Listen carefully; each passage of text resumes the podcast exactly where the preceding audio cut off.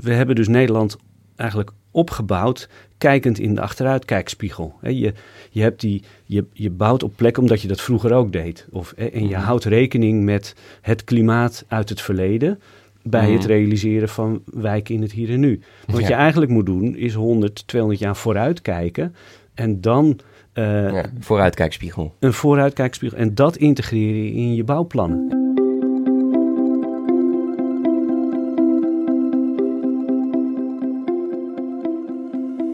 Dit is Het Groene Hart, de podcast van Growthinkers, waarin we op zoek gaan naar het groene hart van onze gasten.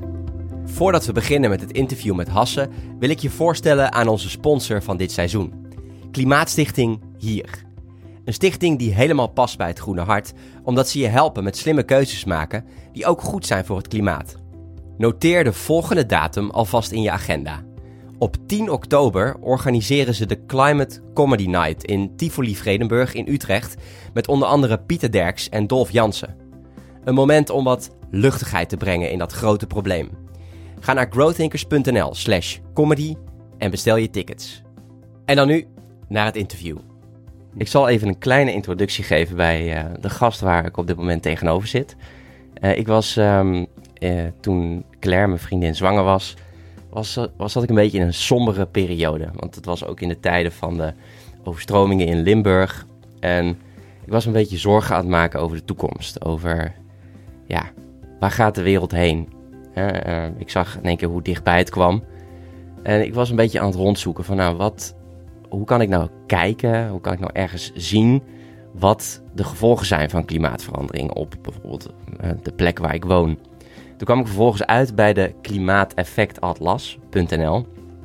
En ik dacht, het is leuk om daar een keer een, eh, een uitzending aan te wenden. Ja, Jelle, dat moet natuurlijk wijde zijn. Hier nog even een tip. Tijdens deze aflevering gaan Hasse en ik langs de functies van klimaateffectatlas.nl. Ik raad je aan om tijdens de aflevering mee te doen, zodat je meteen doorhebt hoe deze website werkt. Doe dit dan wel op desktop en niet op mobiel. Je snapt dan beter waar je heen moet navigeren om de juiste kaarten te bekijken. Laten we verder luisteren. En eh, tegenover mij zit Hasse Goosen. Hasse, welkom. Dankjewel. Eh, jij bent de oprichter van eh, Klimaateffect Atlas. Ja. Ehm, vertel even in het kort wat Klimaateffect Atlas doet. Eh, nou, je zei het al, het is een website. eh kan je naartoe gaan. En voor een bepaalde plek eh, vind je daar dan informatie over het klimaat en hoe dat gaat veranderen vooral. Eh, dus ben je geïnteresseerd of je huis eh, droog blijft, eh, hè, wat de overstromingskans is, eh, kans op wateroverlast, hittestress, droogte, funderingsschade, nou ja, you name it. Het zit er eigenlijk allemaal wel in. Ja. En het is allemaal open toegankelijk. Het staat op het internet, alle data is vrij beschikbaar. Ja. En eh, kosteloos, dus een heel mooi systeem waar we eigenlijk al eh, nou ja, sinds 2008 aan bouwen. Ja. En, eh, ja, ik was eigenlijk, ja, blij kun je het niet noemen, maar ik vond het heel fijn omdat dat er een plek was inderdaad waar je dat dus kon, kon checken. En ben eigenlijk wel benieuwd van hoe, hoe ben jij zelf op dat idee gekomen om, om daarmee te beginnen? Om dat Ja. op te zetten. Ehm, nou, dat is eigenlijk wel aardig. Ik zat in de tijd, eh, of ik heb een tijdje bij de provincie Zuid-Holland gewerkt. En daar speelde toen eh, dat de Zuidplaspolder bebouwd zou worden. Die plannen zijn er trouwens nog steeds. Die zijn weer uit de koelkast gehaald. Daar komen we misschien zo nog even over te spreken. Ja. Eh, maar toen moesten we uitzoeken van, nou, wat betekent nou klimaatverandering voor zo'n locatie? En toen kwamen we erachter hoe ingewikkeld het was om die informatie te vergaren. Want je wil wat weten over klimaatverandering, dan ga je naar het KNMI. Dan, dan krijg je informatie over neerslag en temperatuur. Maar je wil eigenlijk weten hoe zit het met de overstromingskans. Nou, dan moet je naar Deltares bijvoorbeeld, dus daar zijn we heen gegaan. Eh, je wil weten hoe zit het met de bodem, dan kom je bij TNO uit, bij Wageningen voor natuur en landbouw. Dus we moesten zo zes, zeven instituten langs om brokjes informatie te verzamelen. En, die vraag die je jezelf stelde, had dat ook wat te maken met de, de werkzaamheden die je deed op dat moment? Ja, het ging om een soort eh, second opinion of die bouwlocatie wel geschikt was. En als Ja. je daar ging bouwen, hoe je dat dan klimaatbestendig zou kunnen doen. Want wa- was je toen al werkzaam in die, wat deed je toen precies? Iets ja, met bouw? goed om te Ik kwam bij de VU vandaan. Heb ik uh, eerst uh, nou ja, jarenlang onderzoek gedaan, promotieonderzoek op dit gebied. Mhm. Toen dacht ik, nou wil ik eens even in de praktijk kijken hoe dat allemaal werkt. Toen ben ik bij de provincie Zuid-Holland terechtgekomen. En daar op dat project gezet rond Mini Zuidplaspolder. Oh ja. En, um, het was ambtenaar eigenlijk op dat moment. Als ambtenaar, ja. dat, ja, daar heb ik 2,5 jaar of zo gezeten. Ja. En toen bleek dus hoe moeilijk het was als ambtenaar om die informatie eigenlijk allemaal Ja. te verzamelen. En toen Ja. dachten we, ja, is het niet veel handiger om één loket te maken? Dat je bij wijze van spreken met een druk op de knop al die informatie eh, beschikbaar Ja. hebt. En dat is het idee van die klimaateffectatlas eigenlijk geworden. Ja. Nou, toen ben ik eh, daar weggegaan en toen zijn we in Wageningen eh, begonnen met het opzetten van die eh, klimaateffectatlas. Ja. Daar hebben we al die partijen bij eh, uitgenodigd, hè, die ik net noemde. Dus Deltares, TNO, noem ze allemaal maar op, Ja. Wageningen. Waarom ben je weggegaan bij de gemeente?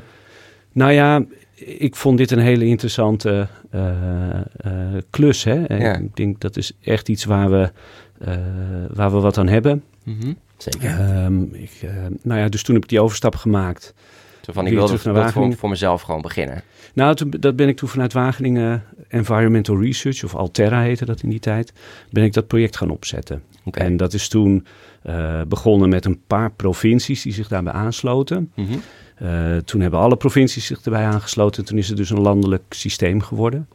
Ehm, ja, en gaande de rit eigenlijk steeds mooier, gedetailleerder eh, en, eh, en beter geworden. En nu is het ondergebracht in de Stichting Klimaat, eh, of dat was de Stichting Klimaateffectatlas, nu Mhm. heet het Stichting CAS. Mhm. En die heb ik tien jaar geleden opgericht. Eigenlijk om dit systeem dus blijvend te kunnen onderhouden en door Ja. te ontwikkelen. En CAS betekent Climate Adaptation Services, hè? Ja, Dus klopt. klimaatadaptatie. Eigenlijk hoe gaan we met eh, de gevolgen van klimaatverandering om? Ja. In de bouw, met overstromingen, et cetera, et cetera. Ja, precies. Wat zijn de gevolgen?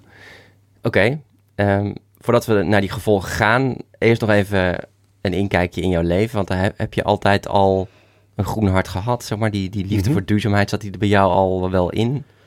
Ja, ik kan wel zeggen dat dat met de paplepel is ingegoten. Dus ja, thuis, eh, mijn ouders ook altijd heel erg bewust geleefd. En nou ja, dat krijg je dan ook mee.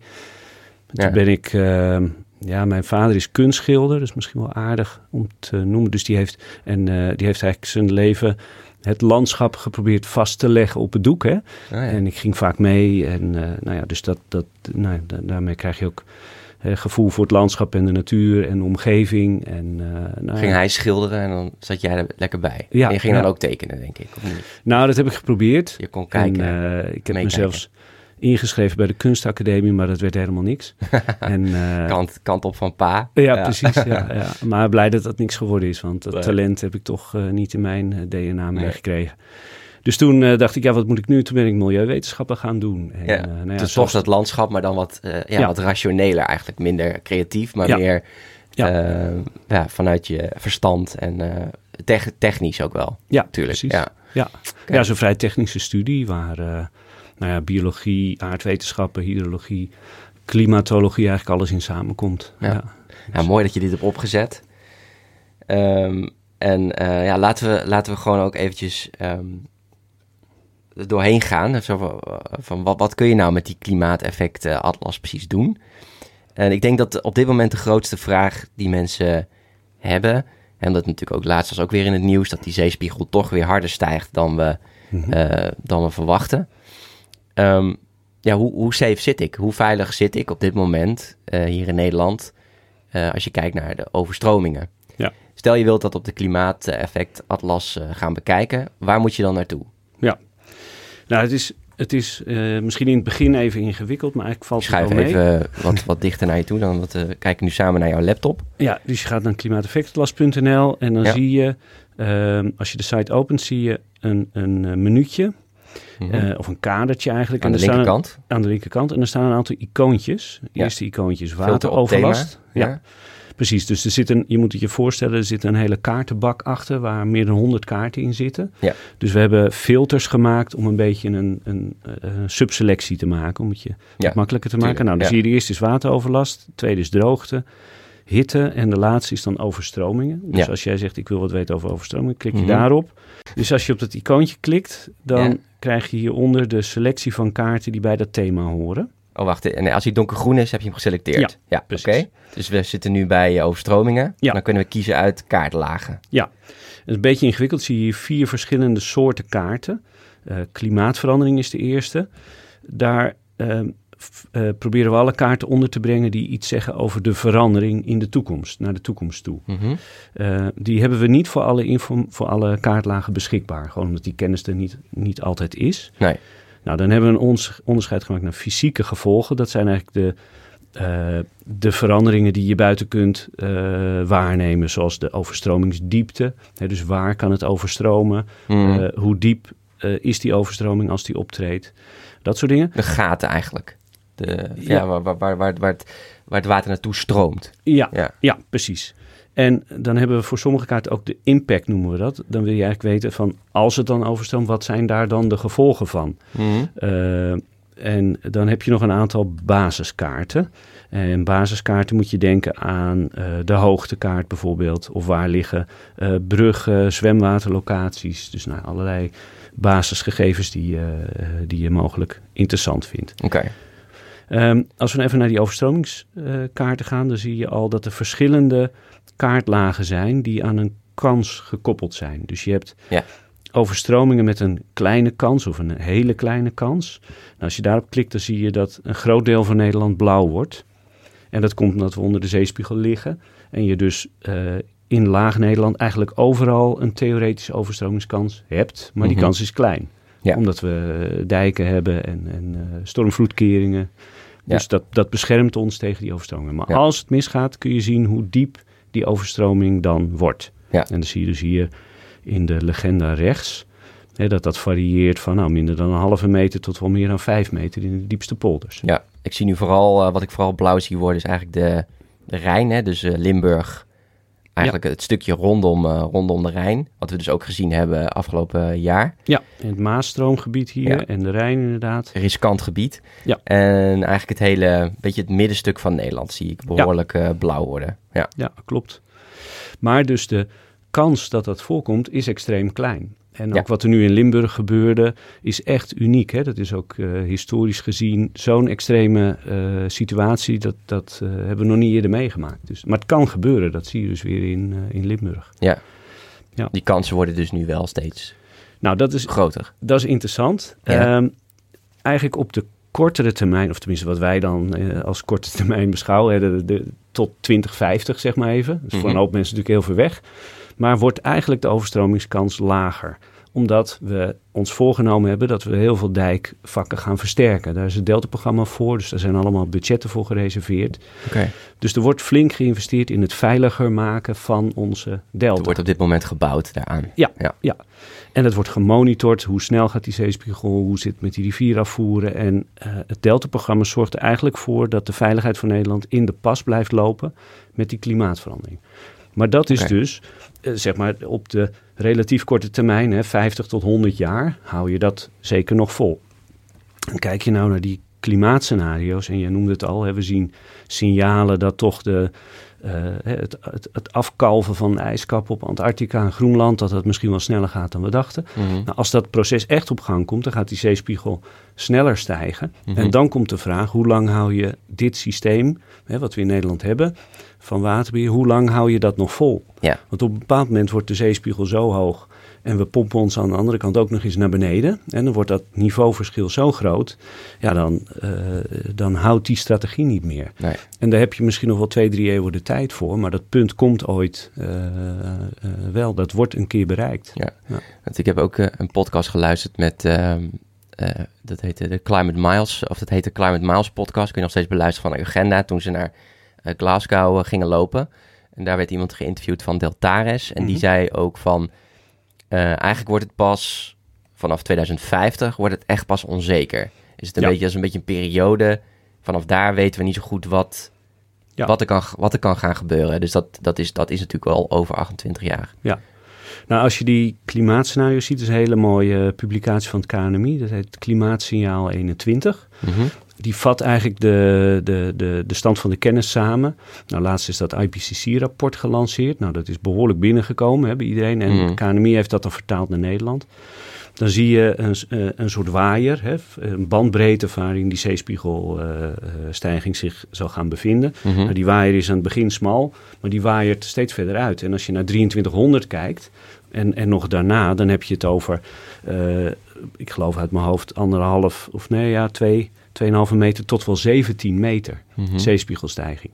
Dus dat is een gigantische onzekerheid. En dat komt omdat we gewoon niet goed weten hoe eh, eh, Antarctica zich gaat gedragen en die Groenlandse Ja. ijskap. Grote gletsjers. Ja, en als daar tipping points worden overschreden, dan kun je het echt hebben over 7 tot wel 17 meter zeespiegelstijging. Nou, dat is. eh Dat, dat, hou je niet vol met een paar Nee. dijken. Nee. Oké. Ehm, eh, wat is een beetje jouw gevoel? Jouw, wanneer, zou dat, wanneer zou dat eventueel kunnen gebeuren? Ja, nou ja, we, we hebben voorlopig nog tijd. Hè, dus het is geen, er is geen reden tot paniek. Want ik al zei, de komende Nee. jaren wordt het eigenlijk alleen nog maar veiliger. Er wordt Ja, flink Wordt geïnvesteerd. gebouwd. Ja. Er is een kennisprogramma zeespiegelstijging, dus we zitten er in die zin bovenop. Mhm. Maar als je dus naar die, die onderkant van die scenario's kijkt, die zeespiegel blijft stijgen. Hij Mhm. gaat niet meer zakken. Nee. Dus eh, ja, je hebt misschien twee, drie eeuwen eh, tijd. Hè, misschien iets korter, misschien wat langer, dat weet je niet. Maar ik denk, het, het is hoe dan ook een goed idee om na te gaan denken over een soort soft landing, hè, of een soort plan B. Mhm. Want, want hoe dan ook moeten we dat een keer gaan doen. Dus, ja, en, en dat vind ik wel iets waar we meer naartoe moeten. Dat we veel meer rekening moeten houden met de echt lange termijn. Als het gaat om de inrichting van Nederland. Dat je kijkt, ja, zou je toch niet je economische centra naar wat hogere gronden moeten verplaatsen. En moet je Mhm. daar niet nu al infrastructuur, eh, versterking gaan eh, toepassen. En zorgen dat mensen zich langzaam in de minder kwetsbare delen gaan vestigen. Ja. Even simpel gezegd, eh, de natuur terug in Laag-Nederland en dan maar gaan wonen in Hoog-Nederland. Ja. Want die delta, het is een rivierdelta, ja, die gaat zich langzaam van nature langzaam opvullen Ja. naarmate die zeespiegel stijgt. Oké, dus die, die kans dat het in één keer heel hard gaat, is vrij klein, zeg jij? Ja. Ehm, eh, stel dat het nu in één keer heel hard gaat. Wat, is dan, wat zou dan... ehm, ja, laten we heel eventjes het, het, het rampscenario eh, eh, behandelen. Wat, wanneer zou dan de boel echt overstromen? Ja, goed, dat is, het is lastig. Het is natuurlijk nooit echt één moment aan te wijzen. Het gaat allemaal geleidelijk. Ja. Eh, wat je zult krijgen, ja, als het een keer misgaat, eh, ga je op die plek herstellen. Dat zie je nu ook in Limburg. Ja. Dan gaat het nog een paar keer mis. Dan ga je denken, ja, laten we het op een andere plek gaan terugbouwen. dus je moet het echt hebben over een langzame transitie hè, in de ruimtelijke ordening van Nederland, die zich over een paar eeuwen moet gaan voltrekken. Ja. Maar het gekke is dat we dus het ministerie van Vrom een paar jaar geleden hebben, hebben opgedoekt. Hè? Dus die, die grote visie op waar moet het heen met het land, die hebben we eigenlijk niet. Die, Nee. die, hè, het wordt heel erg aan gemeentes overgelaten en Ja. dat moet nu heel snel veranderen, denk ik. Dat je toch echt gaat nadenken over een, een plan B. Ja. En dat kan ook een heel wervend en enthousiasmerend verhaal worden. Het hoeft niet helle verdoemenis te zijn. Nee, we moeten gewoon op een andere manier ons land gaan inrichten. Ja, maar je kunt geen jaartal geven van stel dat het allemaal misgaat, of dat, dat, dat die gletsjers heel eh, snel eh, smelten, dan eh, moet je wel zorgen dat je in ieder geval in 2050 veilig zit, of 2060. Of... Nou, het enige wat ik wel eens gehoord heb is dat de mensen van Deltare zeggen... ja, tot zo'n 2 meter zeespiegelstijging, dat houden we met, het huidig, met onze huidige strategie, houden we Ja. dat vol. Daar zit dan ongeveer een soort tipping point. En dan is de vraag, wanneer wordt die 2 meter zeespiegelstijging overschreden? Nou ja, dan zit je dus in die, in die waaier, in die bandbreedte. Mhm. Aan het eind van deze eeuw is de bovenkant van de scenario's geeft 1,20 meter aan. Hè, dus eind van de eeuw zitten we dan qua waterveiligheid nog goed, zou je kunnen zeggen. En dan ergens eh, tussen 21 en 2200 komt misschien die 2 meter in beeld. Ja. Dus, dus zo lang heb je eigenlijk om dat plan B te gaan vormgeven met elkaar en die, die, die, die strategie te gaan ontwikkelen. Oké. Ja. Stel dat ik nou wil weten van, oké, waar, ik, waar ik nu woon, ehm, hoe veilig zit ik? Wat, hoe Ja. moet ik dan kijken? Nou, wat je, we hadden die kaart aanstaan. Hè? Eh, dan zie je een, eh een zoek-icoontje. Ook weer links in het minuutje. Boven Mhm. de kaartjes, dat zoeken. Ja. Om verwarring te voorkomen, we hebben het hier over het vergrootglas helemaal links, boven kaartlaag toevoegen. En nog een tip als je eventueel verdwaald bent geraakt op de website, even de site refreshen, dan staat alles weer op blanco. Vergrootglasje? Ja, vergrootglasje inderdaad. Klik je je adres in. Mhm. Ik zal even mijn, eh, mijn eigen adres intypen. Nou, om een beetje een richting te geven, je woont in het Gooi. Ja, In het, de, eh, de, de gewone kant van het gooien, één mes. ja. Ehm, even kijken, dus je typt daar je adres in, dan vindt hij hem als het goed is.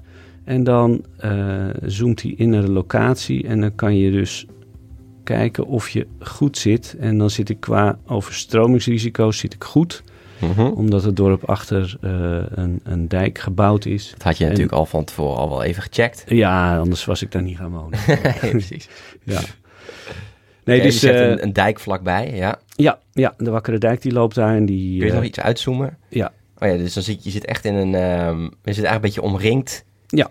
eh, met water als, het, als de shit de fan hit. Ja, precies. Ja. Nou ja, zo zie je, en je ziet Oh dus plekken in de buurt die donkerblauw, bijna rood zijn. Dat zijn de diepe droogmakerijen. Ja. Eh, de Horstermeerpolder bijvoorbeeld is zo'n voorbeeld. Ja. Wat mij dus opviel, Ja, Ehm, de- je denkt, eh, je denkt zeg maar in eerste instantie, oh nou, dan krijg je op een gegeven moment Utrecht of Amersfoort aan zee, hè, de, heel Noord- Mhm. en Zuid-Holland eh, overstroomt. En je hebt eigenlijk nog dat, ehm, ja, dat middenstuk en dan de oostkant van Nederland.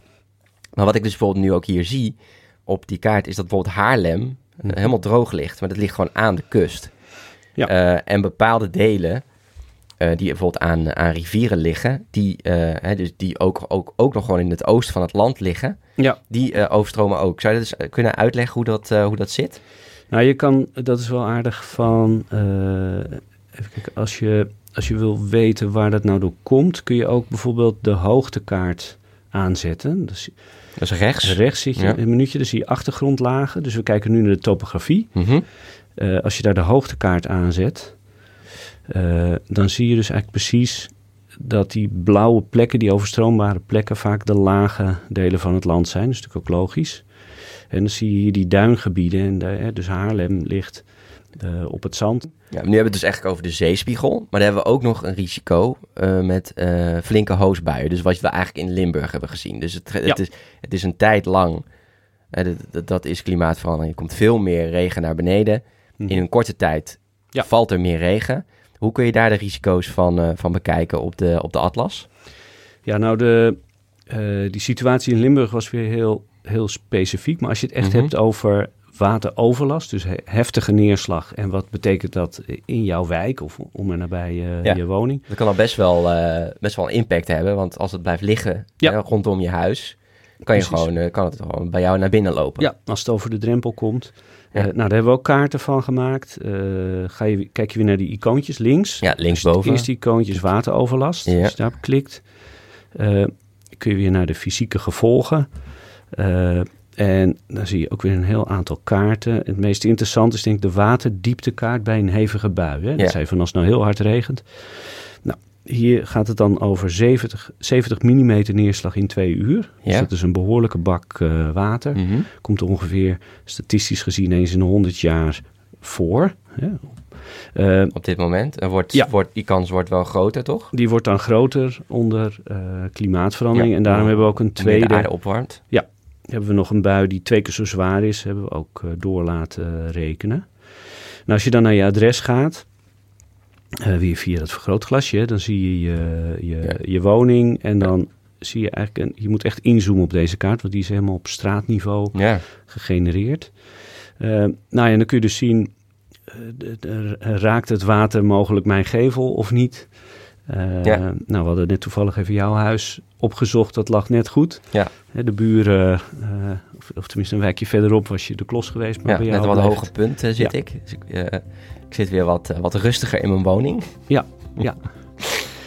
Ja, en ik moet erbij, kijk, dit zijn natuurlijk modellen. Hè? Dus, en, en niet alles zit in die modellen. Dus bijvoorbeeld hoeveel, hoe het precies zit met het rioolsysteem. Ja, dat zit er niet goed in. De- Er wordt ook niet echt bijgehouden in hoeverre bepaalde knelpunten al zijn opgelost door de gemeente. Hè? Dus het is altijd indicatief. Er zijn altijd onzekerheden. Maar goed, het geeft toch een beeld. Want vaak zit je, als het nou knalblauw is, dan zit je in een laagte in je wijk. En dat water zal altijd naar die laagte stromen. Dus, Ja, ja. nou, dus dat soort, dat soort kaartjes zitten er ook in. Ja. Ehm, als je nou wil weten wat je zelf kan doen. Voordat we weer gaan luisteren naar Hassen, eerst dit. Klimaatstichting Hier wil heel Nederland in beweging brengen om iets te doen aan het klimaatprobleem. Het liefst doen ze dat op een zo leuk mogelijke manier. Maar klimaatverandering is een groot en complex probleem. Met de Climate Comedy Night creëren ze een moment in het jaar waarop ze even luchtigheid brengen in dat grote probleem. Want lachen geeft lucht. Dan kunnen we daarna weer met goede moed en volle kracht verder werken aan de oplossing. Wanneer? Op 10 oktober in Tivoli Vredenburg Utrecht met onder andere Pieter Derks en Dolf Jansen. Ga naar growthinkers.nl slash comedy en bestel je tickets. En dan nu terug naar Hassen. Als je nou wil weten wat je zelf kan doen, hè, dat Mhm. is natuurlijk ook eh, interessant. Ja. Ehm, hè, je kunt nadenken over eh, het vergroenen van je tuin of een groen dak, regentonnen. Dat zijn dingen die je zelf kan doen. Eh, is er ook een hele mooie site, die zal ik ook even openen. Ja. Als je het interessant vindt tenminste. Ja, zeker, zeker. Ja, dus ik zit er even te denken van er komt inderdaad heel veel, eh, hè, heel veel regen naar beneden. Een regenton vangt dat op, waardoor, dat, eh, dus, waardoor je dus minder... En ook eh, groen zorgt ervoor dat het water weg kan. Groene daken ook, dus... eh, hoe meer, hoe, hoe groener jouw buurt ook is, hoe beter je met water, wateroverlast kan omgaan. Ja.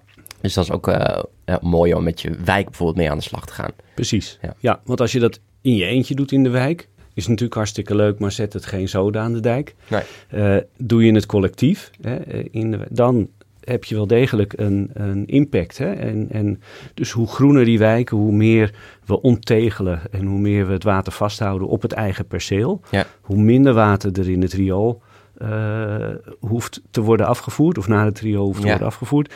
En hoe lager die kans op wateroverlast wordt. Ja. Eh, maar dan moet je het wel met z'n allen gaan doen. En dat is het, eh, het, ook wel het leuke ervan. Hè? Dat je eh, met de wijk, met de scholen in de wijk. En Ja. dat, je, dat je dit soort vergroeningsacties gaat opzetten. En dat zijn hele leuke initiatieven.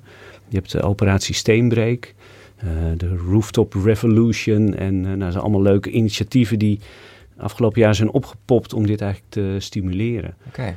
En dit is een mooie site, eh, Groenblauwe Netwerken heet dat.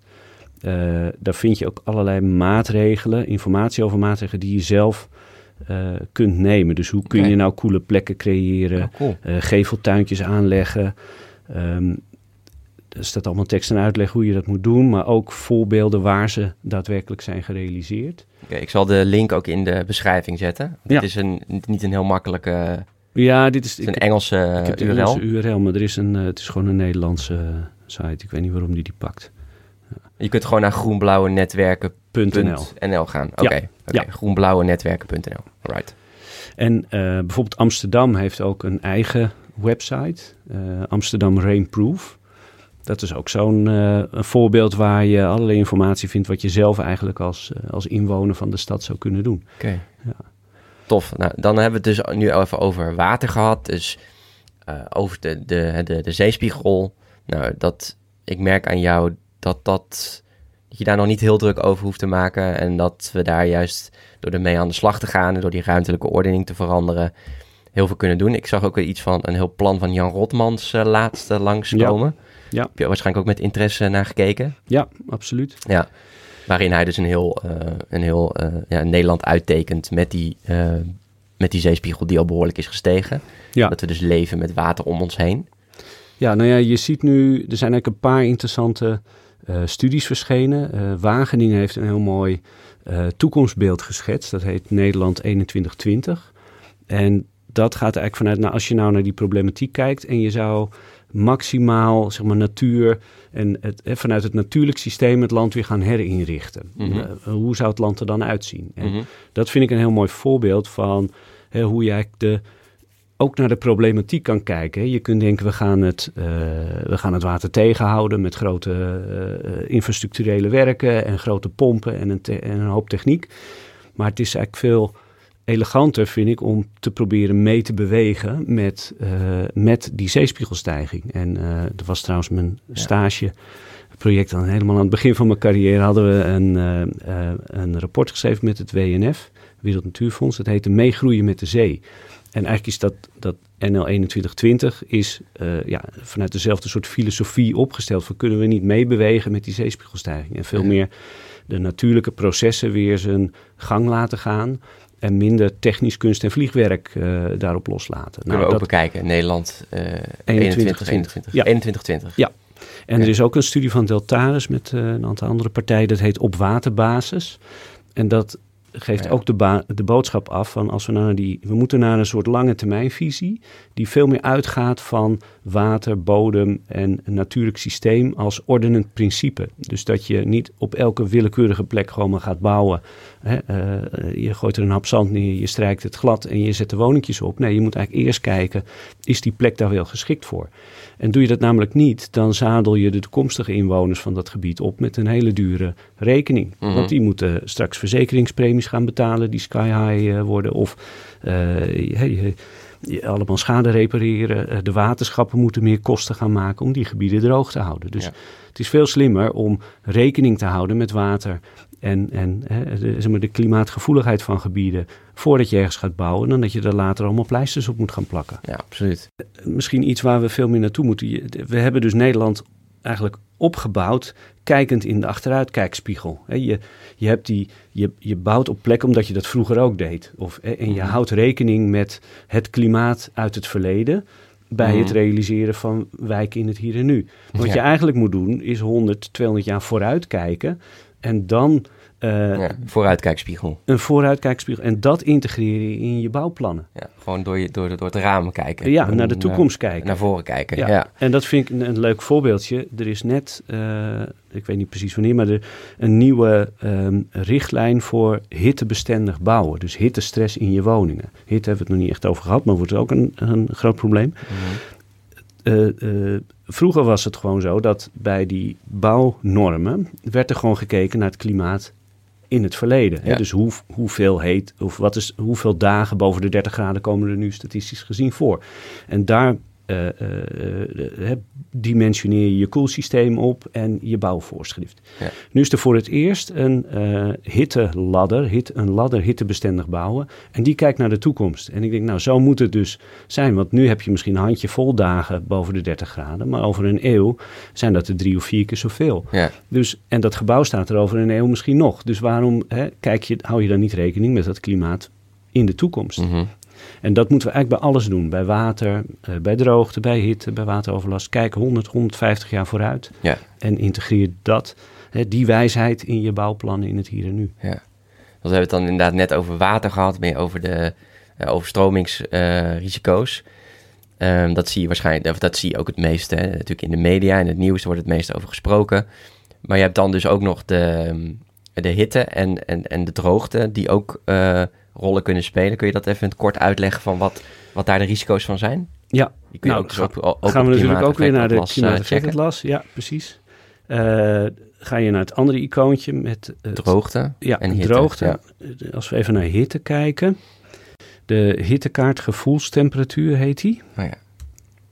Um, dat is ook weer een hele gedetailleerde kaart. Um, als je die aanzet, zie je eigenlijk dat het noorden van het land relatief blauw is en het zuiden relatief rood. Mm daar is het dus gemiddeld genomen warmer. Uh, warmer.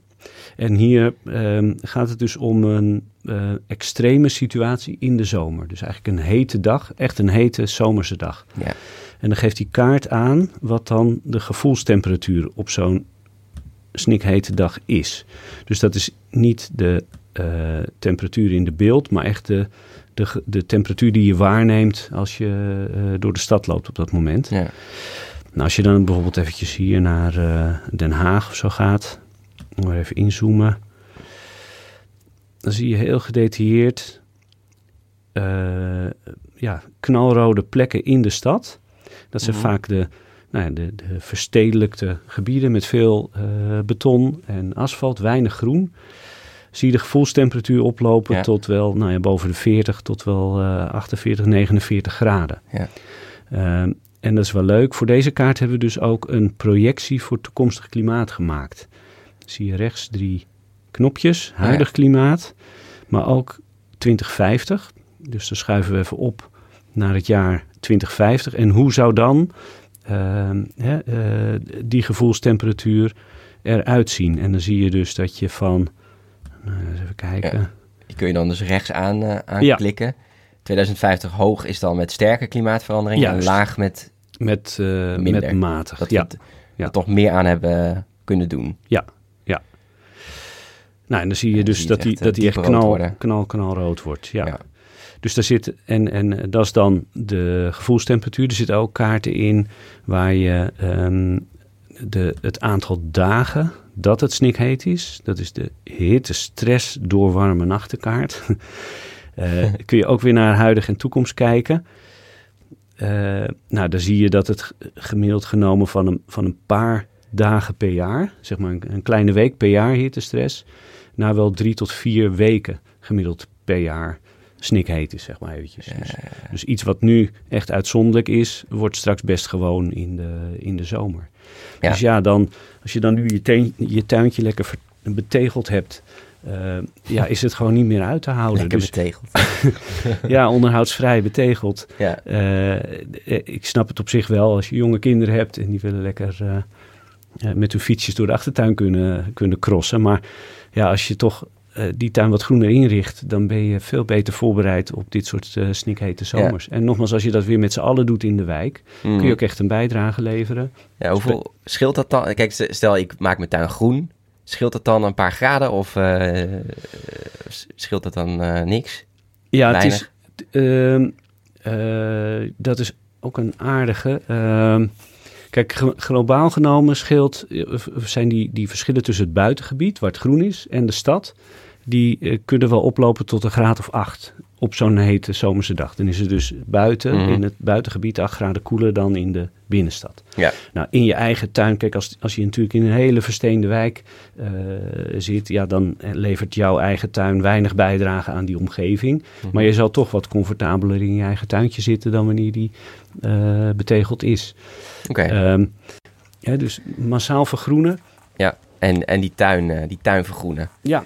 Ja. En Want eh, eh, stel dat je de hele wijk dan, eh, dan vergroent, dan, dan, kan dat, dan, kan dat met een, dan kan dat wel een paar graden schelen. Ja. Twee, drie, Ja. zoiets. Ja? Ja. Dat is toch al wel... substantieel. En het vertraagt dus de neerslagpiek. Hè, dus als je die bak water die ik je net liet zien in je wijk moet opvangen, dan gaat dat een stuk makkelijker als daar collectief vergroend is in die wijk. Ja. En als dus ook bij al die nieuwbouwplannen vanaf het begin gewoon meteen een groen dak op ligt. Kijk, ik heb zelf een groen en dak. vooral geen airco aanschaffen natuurlijk. Nee, Nee. nee. Want die is weer, en dat, misschien veel mensen weten dat ook niet, maar die airco is ook weer gewoon, die stoot ook weer broeikasgassen uit. Ja, ja dus ja. wordt het weer alleen maar meer, En weer, weer warmer. eh, precies. Ja. dan gaat je energierekening weer omhoog. Dat willen we niet. Nee, Eh, precies, ook dat weer. Eh, maar zo'n groen dak, ik heb het dus zelf, eh, heb ik daar, eh, heb ik een groen dak genomen. Nou, ik schrok van de kosten. Dus als je dat, als je al een huis hebt en je moet daar een groen dak op gaan leggen, dan, dan is dat peperduur. Ja. Verschil met zonnepanelen is dat die zich, zonnepanelen verdienen zichzelf terug. Ja. Maar een groen dak verdient zichzelf niet terug. Dat doe je omdat het mooi is en omdat je het leuk vindt. Nou, ik vind het toevallig leuk omdat ik in deze hoek zit. Dus ik leg nou gewoon standaard bij nieuwbouw een groen dak op het huis. Hè? Ja. De, de, en en Ja. ja. ja, van mijn part stel je dat verplicht Mhm. dat we dat gewoon gaan doen. Ja. En dat er een tuin groen wordt opgeleverd met een afgekoppeld eh, regenwatersysteem. Dus Mhm. bij elke nieuwbouwontwikkeling moet je dit eigenlijk aan de voorkant mee gaan nemen. Oké, dus vergroen die wijk. Ja. Eh, verder nog, eh, want ja, we hebben dan nog de droogte. Dat, die, eh, ehm, dat liet je voor de uitzending even zien. Waar ik dan woon in Amsterdam, daar heb je wat meer kans op paalrot. Dat betekent dat je Mhm. huis op palen is gebouwd, op houten palen is gebouwd. Ja. Dat als het dan dus droger, het wordt dus droger in de toekomst, dat je huis dan kan gaan verzakken. Ja. Eh, dat is niet op heel veel plekken in Nederland, toch? Nee, dat zijn relatief, eh, of, of de plekken zijn relatief beperkt waar dat eh, voorkomt. We zien wel steeds meer locaties ook oppoppen waar toch verzakkingsproblematiek speelt. Hè. Dus het is niet alleen die, die paalproblematiek, die houten palen. hè? Maar je hebt ook gebieden waar dan, dat noemen we dan verschilzetting optreedt. Ook bijvoorbeeld langs de rivieren, doordat de rivierstanden meer fluctueren. En dat doet wat met de grondwaterstanden in de omgeving van die rivier.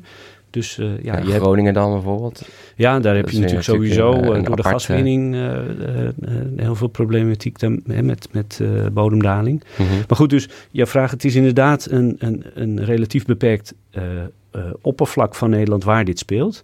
Maar het is de grootste klapper als het gaat om schade. Ja. Hè, als je huis verzakt, dan moet je die hele fundering herstellen. Dat is een enorm kostbare operatie. Ja. En als je dat allemaal optelt, en dat hebben we gedaan. Dat is nog een site, eh, de Klimaatschadeschatter heet die. We hebben eigenlijk alle schades, voor zover we dat kunnen berekenen, hebben we bepaald. Ehm, en dan kun je gewoon zien hoeveel op, op het niveau van, je, van een uh, gemeente, hoeveel schade daar nou verwacht wordt. Als je al die categorieën optelt, al die beperkingen. En dan is dus funderingsschade, uh, bodemdalingsproblematiek is de grootste kostenpost. Ja. ja. die kun je ook checken. Hè? Dus hoe ga je nou naar die paalrot toe op de klimaateffectatlas? Ja, die zit dus weer in, die, uh, in, in een van die bakjes. Dus dan ga je nu naar het bakje droogte, icoontje droogte. En daar zie je dan ook weer... Uh, fysieke gevolgen. Fysieke gevolgen. En daar kan je dan naar... Ja, die, zit, die zit in de categorie impacts. Oh ja. Dus daar heb je dan ja, ja. een dus risico. droogte en dan impact en dan risicopaalrot. Ja, ja. Als je op zoek gaat naar een nieuwe woning, is het natuurlijk wel leuk om even op die atlas te kijken wat er allemaal speelt. Precies. En uh, uh, ja. ik denk, uh, dat zal ook steeds meer gaan gebeuren. Het is ook wel interessant om te melden dat we merken dat deze gegevens, hè, vroeger werden, was onze doelgroep vooral uh, gemeentes, waterschappen, provincies. Maar nu worden we ook door allerlei uh, vastgoedpartijen benaderd, die ook de gegevens willen. Want hmm. die vastgoedpartijen hebben allemaal geïnvesteerd in Nederlands vastgoed en die willen weten aan welke risico's is dat vastgoed eigenlijk blootgesteld? En ja. Um, uh, nou ja, wat, uh, hebben ze daar zelf ook een rol in? Uh, hè, ze kunnen, um, dat doen sommigen ook, actief bijdragen aan het vergroenen van, van vastgoed. Ja. Maar goed, dus die, soort, je merkt dat het, dus, dat, dat, dat het bewustzijn dat dit gaat spelen, dat wordt steeds ja, groter. en dat, dat merk je dus ook dat nu banken, verzekeraars, pensioenfondsen, vastgoedontwikkelaars, dat die steeds meer deze data gaan gebruiken. Ja. ja. En dat zien we ook in de bezoekersaantallen van de, van de website natuurlijk. Ja, ja. die zal alleen maar gaan stijgen de komende jaren. Ja, ja, ja. ja, ja. Right. Dan, nou, de, mijn slotvraag, die ik eigenlijk aan elke gast stel. Hasse, moet er nog iets van jouw groene hart, iets wat je nog tegen de luisteraar zou willen zeggen? Iets wat er van mijn groene hart moet. Mm. Nou ja, ik, kijk, ik denk wel dat um, uh, de tijd om, om, het, om, om hier nog zeg maar, op in te spelen wordt steeds korter. En mhm. die klimaatverandering die gaat, die gaat sneller dan we denken. Sneller dan ooit tevoren. Ja. En dat kunnen we ons ook bijna niet voorstellen hoe snel het gaat. Dus we, zitten, we, hebben binnen, we hebben er 100 jaar over gedaan om 1,1 graad opwarming mondiaal te veroorzaken. Mm -hmm. En uh, ja, de, de, de volgende halve graad, die hebben we nou over twee decennia bereikt. Mhm. Dus de, het, het gaat zo ontzettend snel. Dus er is geen tijd meer te verliezen. Dus we moeten stoppen met uh, oeverloze discussies of dit nou wel of niet speelt. Die tijd ligt achter ons. Er moet radicaal uh, van, het, van, het, van het fossiel af. Ja. dus uh, stoppen met fossiel. Zo snel mogelijk. En uh, ja, nogmaals, radicaal vergroenen op hele grote schaal. En uh, daar ook een groot plan en een grote visie die inspireert op ontwikkelen. Dat uh, is denk ik de opgave voor de komende decennia. En hoe gaat de luisteraar dat bereiken? Ja, en hoe gaat de luisteraar dat bereiken? Dat is een goede vraag. Door zelf het goede voorbeeld te geven, mm -hmm. het je kinderen te vertellen en op de juiste partijen te stemmen. Mm -hmm. En uh, ja. Die tegels uit het tuintje. Tegels uit het tuintje. Ja, het is natuurlijk. Het, het, dat heeft ook weer iets. Het, het is zo klein, hè? Dus, maar, toch is het belangrijk dat je dat met z'n allen doet. Ja, precies. En, ja. Um, ja. ja. Dankjewel, Hasse, voor dit gesprek. Graag gedaan. Vond het heel leuk.